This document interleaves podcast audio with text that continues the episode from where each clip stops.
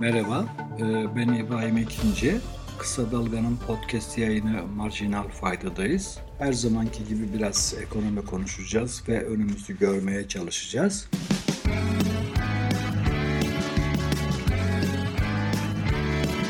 Kulağınız bizde olsun. Kısa Dalga Podcast.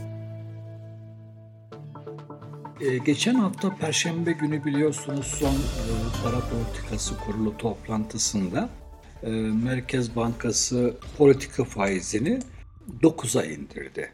Bu beklenen bir şeydi. Bir önceki toplantıda zaten böyle yapacağını aşağı yukarı bir netlikte ifade etmiş idi. Kimseye bir sürpriz olmadı. Şimdi bu tek hane oldu. Yani onun altında tek hane %9 faize gelmiş oldu. Biliyorsunuz indirimler 19'dan başlamıştı ve 10 puanlık bir indirimde gerçekleşmiş oldu. Şimdi bunun tabi Erdoğan'ın böyle istediğini biliyoruz. Hani o defalarca bunu söyledi, bunun talimatını verdi ve sonuçta da Merkez Bankası da aşama aşama bunu gerçekleştirmiş oldu. Tabii şimdi politika faizi 9'a inince Bakan Nebati de hareketlendi. O da piyasaya bir bir bir sopa gösterdi. Piyasa faizlerinin de tek haneye inmesini bekliyoruz dedi. Şimdi bu tabii nasıl olacak? Piyasa faizleri tek haneye inebilir mi? Mevduat faizlerine baktığımız zaman onlarda bir artış var. %25'i bulduğunu geçen haftaki yayında söylemiş idim. Piyasada şu anda öyle. Ama zaten Nebati'nin asıl kastettiği kredi faizleri. Çünkü hükümetin meselesi, Erdoğan'ın da Nebati'nin de meselesi devlet veya vatandaşın zarar ediyor olması veya efendim işte e, tasarrufunu kaybediyor olması filan değil. Aslında bütün mesele e, şirketlere, e, özellikle hani bu müsiyatçı şirketlerin anlayışı da talebi de bu. O şirketlere ucuz kredi bulmak, ucuz kaynak kimin zarar ediyor olmasından e, bağımsız e, o tarafıyla ilgilenmiyorlar. Şimdi bunu neden böyle söylüyorum? Şimdi Merkez Bankası yaptığı düzenlemeler ile ticari kredi faizine sınırlandırma da getirdi. Yani bakın ihtiyaç kredilerinde faiz serbest mesela şu anda %30'ların üzerinde ihtiyaç kredisi. Yani vatandaşın kredisiyle kredisinin faizinin yüksek olmasıyla çok ilgilenmiyorlar baskıyı ticari kredilerde yapıyorlar. Orada bir e, Merkez Bankası'nın bir referans faiz oranı var. Diyorlar ki işte onun 1.4 ila 1.8 katı e, arasında bir faiz olabilir. Onu geçerse onu e, o yüksek faizden kredi veren bankaya yaptırım getiririm. Nasıl bir yaptırım bu? İşte referans faiz oranının 1.4'ü ile 1.8 katı arasında kalırsa faizin örneğin senin için %20 ama 1.8 katından aşarsa yani faizi yüksek tutarsan %90 oranında TL cinsinden menkul kıymet bloku olarak bulundurulacaktır diyor. Yani hazineden kağıt alacaksın bu kadar %90'ı yani verdiğin kredinin %90'ı oranında kağıt alacaksın ve bunu bulunduracaksın. Şimdi burada gördüğünüz gibi hani yüksek faizi faiz e, daha doğrusu yüksek de demeyeyim hani enflasyon 85 iken bahsediyoruz. İşte yani bugün kullandırılan Merkez Bankası'nın e, veya ekonomi yönetiminin istediği ölçüde düşük olmayan faizden kredi kullandırırsan işte onun %90'ı kadar menkul kıymet, hazine bonosu alacaksın. Bu bir cezalandırma çünkü hazine bonosu hem uzun vadeli hem faizi çok düşük. Kimse almak istemiyor. Böyle bir durum var. Şimdi bu arada şirketlere yönelik yine e, son bir e, uygulama daha başlattılar. Ticari işletmelere kullandırılan gayrimenkul ve taşıt kredilerinde. Bunlarda da yani faiz yine hükümetin istediğinin üstünde olursa yine menkul kıymet. Çünkü daha önce sadece ticari krediler vardı. Araba, ev vesaire kredilerinde yok bu faiz tavanı uygulaması. Şimdi bunu şirketleri ayırarak, şirketleri alırsa araba, şirketleri ev alırsa, arsa alırsa, hani ofis alırsa, şirket ev almaz da ofis alırsa diyelim mesela, gayrimenkul alırsa orada da uygulama geldi. Bu krediler hani %17-22 arasında faizle kullandırılırsa buradaki menkul kıymet tesis etme zorunluluğu hani 20 yüzde 20'si kadar. Ama yüzde 22'nin üzerinde bir faizle verirse banka orada e, tahvil yani menkul kıymet e, alma, tesis etme zorunluluğu yüzde 90. Yani gördüğünüz gibi hükümet her şekilde şirketleri kayırıyor. Her şekilde onları kolluyor. Şimdi bir yandan da biliyorsunuz bankalara döviz mevduatlarını mudilerine baskı yap, bozdur baskısı var. O da devam ediyor. Orada da yeni bir uygulama geldi. Merkez Bankası toplam mevduat içinde TL mevduatın payını %50'nin üstüne çıkaramayan bankaların zorunlu karşılıklarına uygulayacağı komisyonu %3'ten 8'e yükseltti. Komisyonu artırıyor. Düşür kardeşim diyor. Ara mudini, müşterini, dövizini bozdursun. Sen bir şekilde bir şey yap yani. Döviz mevduatın TL mevduattan fazla olmayacak. Bakın burada tasarruf tercihlerini zorlayan bir uygulamanın geldiğini görüyoruz. Şimdi bugün e, söylemek istediklerimin birincisi buydu. Buradan özetle anlamak, anlamamız gereken şey şudur. Hükümet tasarrufçuya dayak atarak efendim bankalara filan dayak atarak, zorlayarak, komisyon al, zarar, komisyon artırarak cezalandırıyor. Menkul kıymet tesis zorunlulukları getirerek cezalandırıyor bankaları da. Ama tek amacı şirketlere ucuz kredi. Yani şu anda hükümetin iki tane büyük odağı var ben söyleyeyim size. Birisi işte büyüme yani şirketlere ucuz kredi verilsin ki efendim büyüme, ekonomik büyüme olsun. Bir de tabii dolar. Onu da konuşacağız. Bir de dolar. Dolar hani rezerv e, satarak efendim dışarıdan bulunan dolarları satarak içeride alınan işte Merkez Bankası biliyorsunuz ihracatçının turizmcinin dövizini alıyor. Kur korumalı mevduattan gelen dövizleri kullanıyor filan. Dolayısıyla burada burada her şekilde bir dövizi tutma. Yani iki amacı ortaya çıkarıyoruz. Birisi ekonomik büyüme. Şirketlere ucuz kredi bunun için. Bu bunun için gözleri kara yani enflasyon 85'miş ilgilenmiyor. Şimdi Nebati'nin söylediği de bu manaya geliyor. Yani şirketlere piyasa e, faizlerinin de tek haneye gelmesini bekliyoruz diyor. Yani şirketler siz de efendim tek haneden şey verin. Buna tabii e, bunu söyleten ne? Bunu söyleten şu şunu söylemiş oluyor. Ben Merkez Bankası olarak sana %9'dan bankaya diyor. %9'dan para veriyorum. Sen de o zaman %9,5'tan ondan e, kredi ver. Ben 9'dan sana para veriyorum. Ama Merkez Bankası'nın verdiği para hani banka kaynaklarının. Bankaların çünkü krediyle aldıkları kaynak var, öz kaynakları var, artı mevduat topluyorlar bankaların bütün kaynaklarının maliyeti aynı değil. Yani %9'dan Merkez Bankası'ndan aldığım para kadar hadi diyelim ki 9 üzerine de biraz işletme maliyeti 0 bilmem kaç puanda kar koy ondan sat diyelim. Tamam hadi 9.90'dan sat da Nebati'nin gönlü olsun tek hani. Fakat bütün kaynaklar böyle değil ki. Mesela demin ne dedik?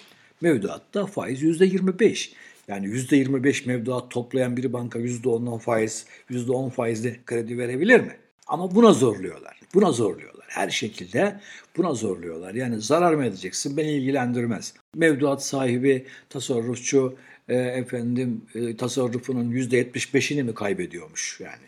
alım gücünün kaybetsin beni ilgilendirmez. Ticari ticari krediler düşük olacak ticari kredi şirket, şirketlerin e, büro e, ve gayrimenkul, diğer gayrimenkul ve taşıt alım kredileri de düşük olacak. Vatandaşa verdiğiniz zaman o yüksek olabilir. O yüzde otuz olabilir mesela. Ama ticari şirketlere düşük vereceksiniz. Bütün amaçları böyle şekilleniyor.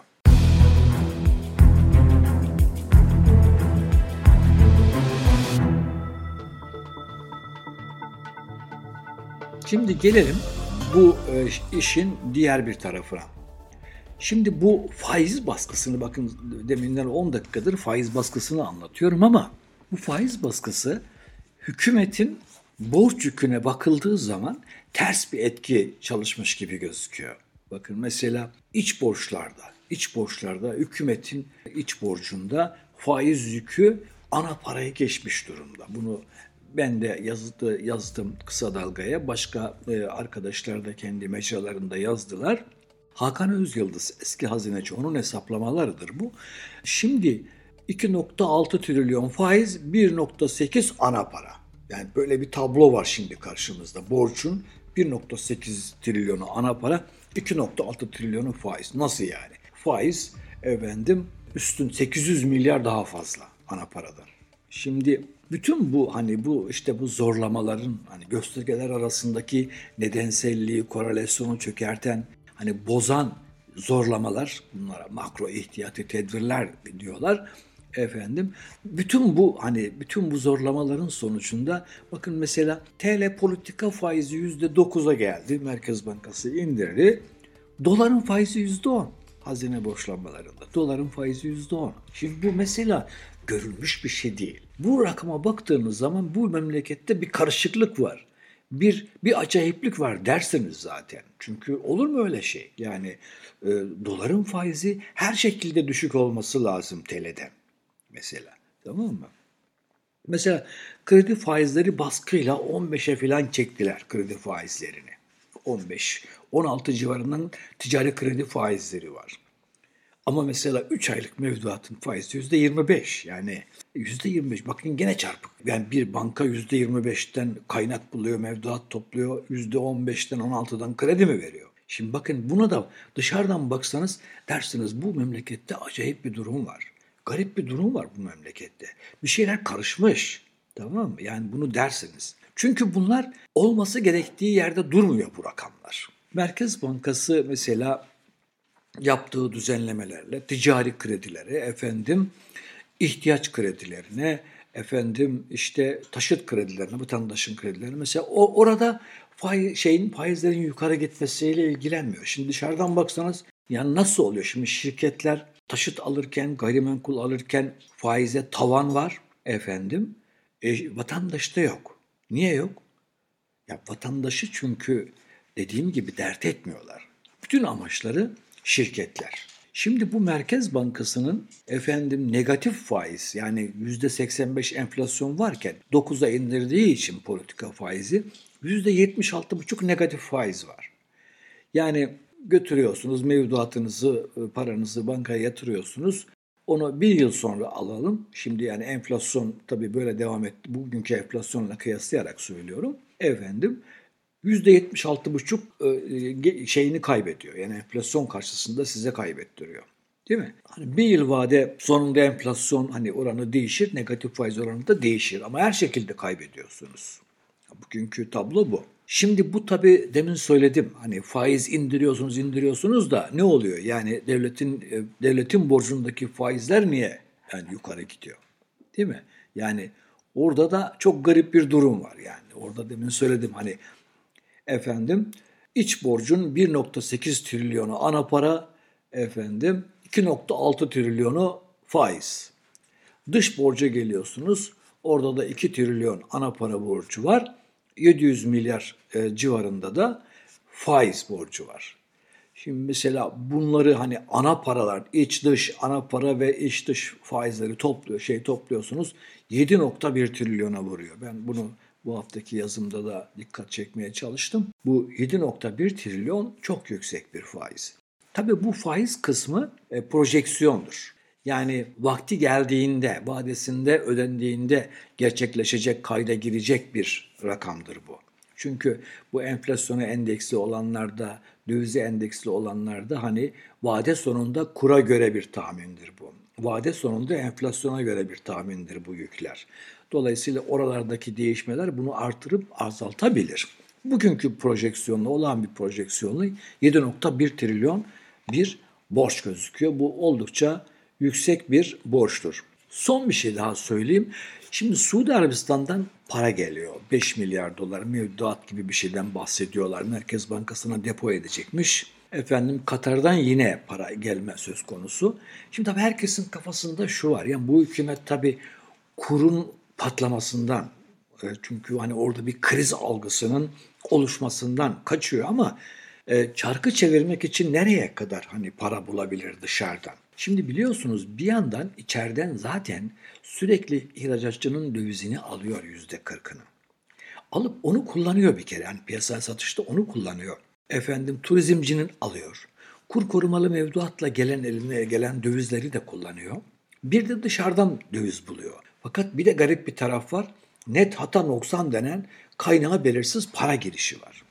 Dolayısıyla birkaç koldan Merkez Bankası sürekli döviz. Şimdi bu dostlardan yani e, Erdoğan'ın dost ülkeler dediği işte Putin, e, Rusya, Katar, Rusya, işte Birleşik Arap Emirlikleri, Suudi Arabistan filan gibi bu ülkelerden gelen bu gibi ülkelerden gelebilecek paraların galiba sonuna geldik gibi görünüyor. Yani benim aklıma mesela şuradan da alabilirler yeni diye bir şey gelmiyor. Belki Çin hani Çin biraz böyle yayılmacıdır aynı zamanda biliyorsunuz.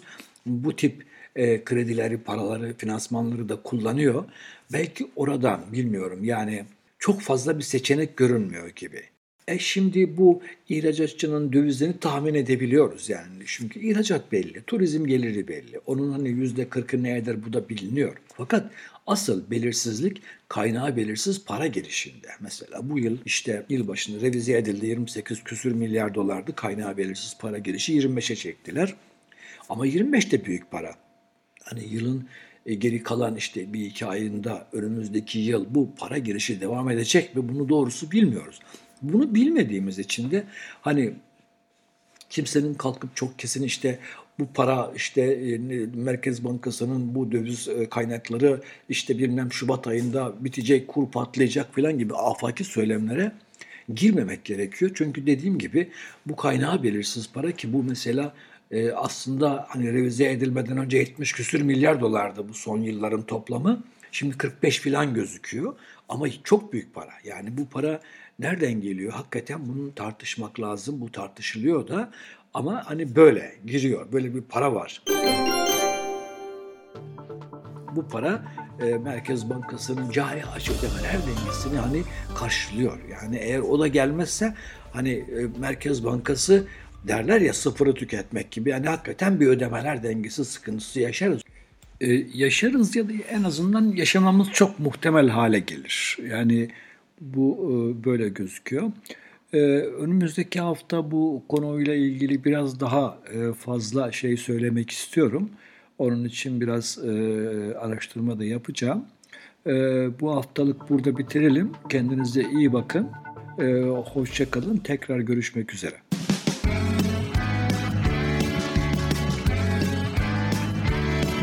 Kulağınız bizde olsun. Kısa Dalga Podcast.